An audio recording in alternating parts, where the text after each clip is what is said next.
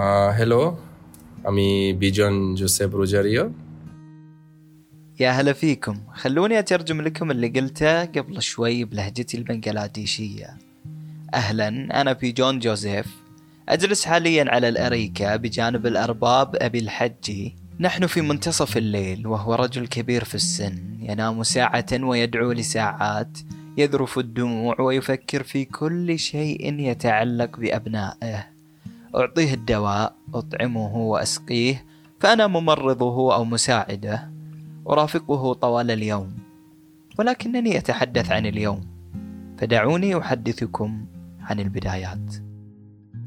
ولدت في العام 1972 في بنغلاديش وبالتحديد في مدينة غازي بور. ولدت لأبوين مزارعين في عائلة كبيرة مكونة من ثلاث صبيان وأربع فتيات وقد كنت الأصغر من بينهم جميعا. وقد كان أخي أنتوني الأكبر بيننا. كان بمثابة الأب لي فهو أكبر مني بسبعة عشر عاما. كان أبي شديد الانشغال فهو يعمل طوال النهار لتوفير لقمة العيش لنا. يعمل في مزرعتنا وتعاونه والدتي وإخوتي جميعا. وتشتهر مدينتنا بشجرة الجوجري واللي نزرعها عندنا أيضا في المزرعة. وبعد قطف غصونها نجفف الأوراق وتستخدمها المصانع كأكياس للقش وهذا ما كنا نعتاش عليه. كانت طفولتي كالحلم الجميل المليء بالبساطة والنقاء. لم أكن أفكر بشيء كنت طفلا أراقبهم فقط. بعد ذلك انتقلنا إلى العاصمة دكة حيث درست في المدرسة وبدأت نشاطي الإنساني مع الكنيسة في الفريق الإغاثي المسمى بمدام تريسا. فقد كنت أذهب منذ نعومة أظفاري أساعد الجرحى والمرضى والفقراء والمساكين. كنت أشعر بالمسؤولية تجاههم وكنت أشعر بالراحة ورضا الرب عني بفعلي هذا. فالمسيح عيسى كان يشفي الأبرص والأعمى ويساعد المساكين والمرضى. وكيف لا أقتدي به وأنا مسيحي؟ وفي دكة بدأ إخواني بالعمل وأنهيت دراستي حتى الصف العاشر. قد كان أبي يعمل في المقبرة هنا في دكة. قد كان مزارعا والمقابر لدينا نحن المسيحيون كالحدائق.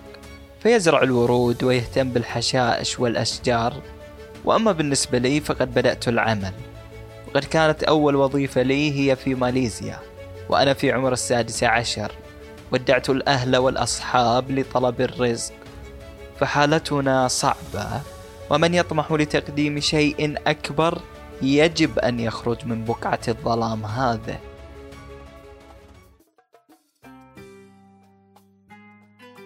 وصلت إلى ماليزيا وبدأت العمل عند أحد الشركات المصنعة للمطاط والقفازات الطبية. وقد كنت مسؤول الخدمات فأوزع الوجبات على العمال وأتفقد رغباتهم وكان ذلك لثلاث سنوات. وبعد ذلك تطورت التكنولوجيا وقل عدد العمال فنقلوني بعدها للمصنع. فقد كنت ميكانيكيا أشغل المحركات الكبيرة وأتفقدها وأشرف عليها. وقد عملت في هذا المجال لسبع سنوات ومن ثم رجعت إلى الوطن مرة أخرى. بعد عشر سنوات مرت كالضوء قضيتها هنا. أتيت مراهقا في عمر السادس عشر وخرجت رجلا بعمر الستة وعشرين. حاملا شوقا للأهل ورائحة الوطن الممزق الذي يملأه الفقر والحزن. وكيف أعيش بلا وطن؟ فالغربة عزلة.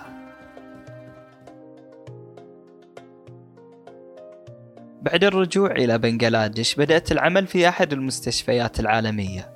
فقد كنت مسؤول الطعام والخدمات لسنتين. فقد كنت أوزع الوجبات على المرضى كل حسب حالته وما يستطيع أكله. كنت أرى المرضى وأشفق عليهم وينكسر قلبي. قد كنت أرى الممرضين وأراقب عملهم. رأيت شتى أنواع الحالات الحرجة رأيت المصابين والجرحى والمحترقين وقد كان قلبي يتقطع عليهم. وفي هذه الفترة أعجبت بعمل الممرضين الإنساني العظيم. فالإنسانية تجري في دمي منذ الصغر.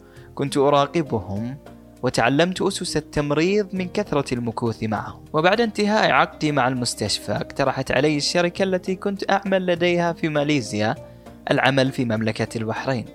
فقد كان لديهم مشروع لتنفيذه في هذه المملكة وبالتالي حزمت أمتعتي وتوجهت للبحرين للمرة الأولى. وقد كان هذا سفري الثاني وغربتي الثانية فبالتالي كان الموضوع أهون علي بعد سنواتي في ماليزيا. كانت وظيفتي في البحرين قريبة من وظيفتي في المستشفى في بلادي ووظيفتي في ماليزيا أيضا. فقد كنت مسؤول الخدمات مرة أخرى ولكني كنت مشرفا على منازل موظفي الشركة. فقد كنت أؤمن لهم احتياجاتهم من السوق والطعام والصيانة وغيرها. ومكثت لمدة سنة فقط. فقد كانت هذه مدة العقد. ومن ثم رجعت إلى الوطن مرة أخرى ولأربع شهور كإجازة. ومن ثم عاودت العمل في بلادي وبالتحديد في العاصمة دكة وفي أحد المستشفيات العالمية أيضا مثل وظيفتي السابقة تماما كمشرف للخدمات والوجبات للمرضى. وبعد سنتين من العمل استدعتني الشركة مرة أخرى للعمل في البحرين. نعم فنحن المغتربون لا نعرف بقعة واحدة. نشد الرحال في كل حين. دخلت إلى مطار البحرين الدولي للمرة الثانية. شممت رائحة المحرق التي يقع فيها المطار وذهبت إلى المنامة حيث يقع سكن الشركة التي أعمل فيها ورجعت إلى نفس الوظيفة تماما. وعلمت من فترتي السابقة لماذا يعشق أهل هذه الجزيرة ديارهم. ففيها سحر غريب فيها تقبل الآخر وفيها التعايش والأمن. وبعد سنتين في نفس الوظيفة وبعد انتهاء العقد طلبت من الشركة أن أتوجه إلى مصانعهم. فقد أصابني الفضول وأردت أن أعمل في الميدان وأن أرى الآلات كيف تعمل. وعينتني الشركة لتأدية بعض الوظائف البسيطة. فنقوم بما يأمرنا به المهندسون. فنصبغ هنا ونحمل هنا. وقد كان المشروع شبه منتهي أصلا. فرجعت إلى بلدي لإجازة بسيطة. وحينما رجعت إلى البحرين مرة أخرى كان المشروع قد انتهى. فطلبت من مسؤولي بأن أبقى هنا. فما رأيته في هذا البلد لم أره في مكان آخر. هنا يوجد أصدقائي. نذهب إلى الكنيسة معا يوم الأحد. نمارس ديننا بلا خوف وبلا استغراب. يسلم علينا الكبير والصغير. ولا يفرقون بين ألواننا وجنسياتنا. كن إنسانا فقط. تنعم في البحرين.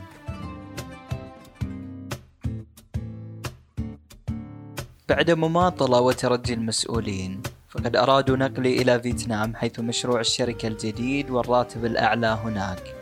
ولكني أردت راحتي النفسية. وافقوا على تسريحي وبقائي في البحرين. بقيت في المنامة في سكن العمال لثلاثة أيام. فلم يعجبني الجو العام. فانتقلت للسكن مع أحد الأصدقاء مؤقتا حتى أجد لي عملا جديدا. أغلقت الأبواب في وجهي. بدأ المال ينفذ. ولم أستطع إيجاد أي عمل. ومن ثم تذكرت أحد الأصدقاء الأوفياء واسمه محمد نصير. اتصلت به وقلت له يا محمد أنا في حالة حرجة وأحتاج لعمل. وقال لي لا تخاف وإن شاء الله ربك يحلها. وبعد يومين اتصل بي محمد وأعطاني عنوانا وقال لي وجدت لك عمل يا بيجون لدى أحد المواطنين وهو رجل كبير في السن ويدعى عيسى توجهت لمنزله فورا استقبلني أبناؤه وابنته وأخبروني بأنه رجل طاعن في السن. ويحتاج لرعاية صحية.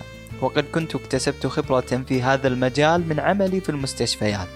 دخلت عليه وبدأ يتكلم معي بالعربية وتترجم لي حفيدته بالإنجليزية. فتحرك شيء بقلبي وأحسست بالمسؤولية أمام هذا الرجل واعتبرته أبي. فالمساعدة تجري في دمي تقبلني وأحبني وبدأت العمل لديه. كنت أرافقه في الحل والترحال في سفراته العلاجية والسياحية في جمعات العائلة وأصبحت فردا منهم.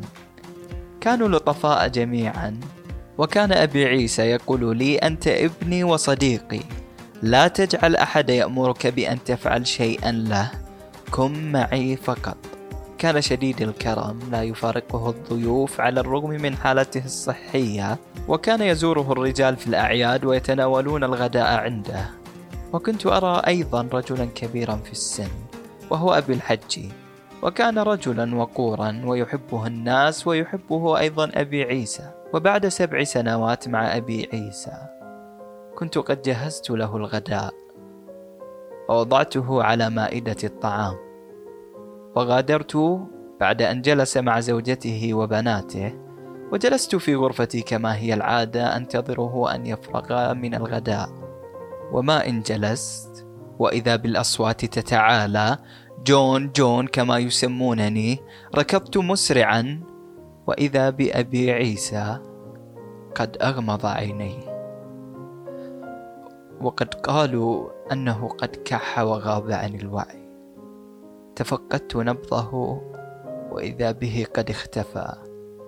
هرع الإسعاف لنجدته وحاولوا إنعاشه ولكن قد فات الأوان. غادر أبي عيسى وقد كان حقا أبي. كنا نغني ونضحك معا كنا نأكل ونسافر وننام. كل أيامنا كانت معا كنت أراه الدنيا وقد ذهب. بعد دفنه أصر أبناؤه على تلبية رغباتي برا بأبيهم فطلبت السفر لبلادي لأخذ نفس بعد هذه الصدمة الموجعة.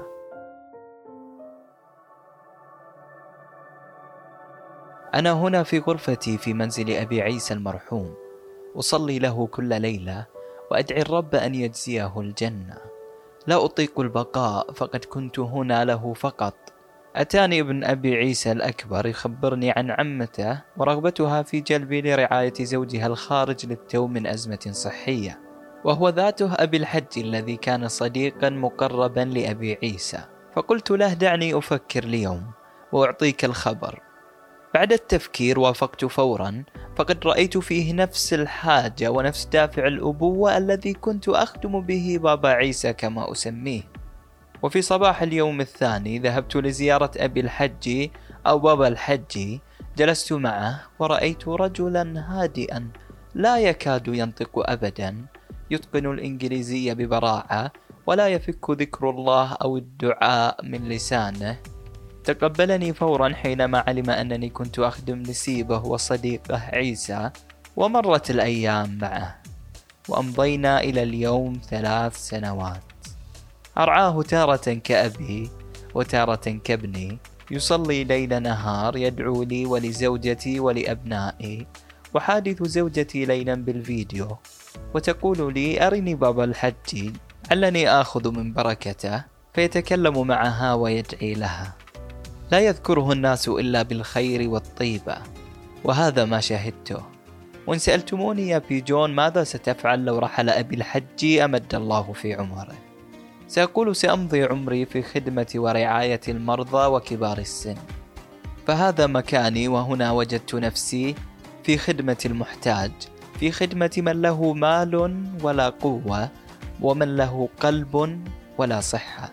واكتشفت أنني عشقت المساعدة منذ أيام الصبا. في مدام تريزا وفي المستشفى وحتى اليوم. علمتني الحياة أن أعطي ولا أفرق بين المحتاج في دين أو لون أو مذهب. فأنا في جون المسيحي أخدم المرضى المسلمين. ساعدوا من لا أحد له وكونوا دوما سفراء للخير. وتذكروا أننا إخوة فآدم أبانا جميعا. أنا في جون جوزيف. شكرا لاستماعكم ونلقاكم على خير.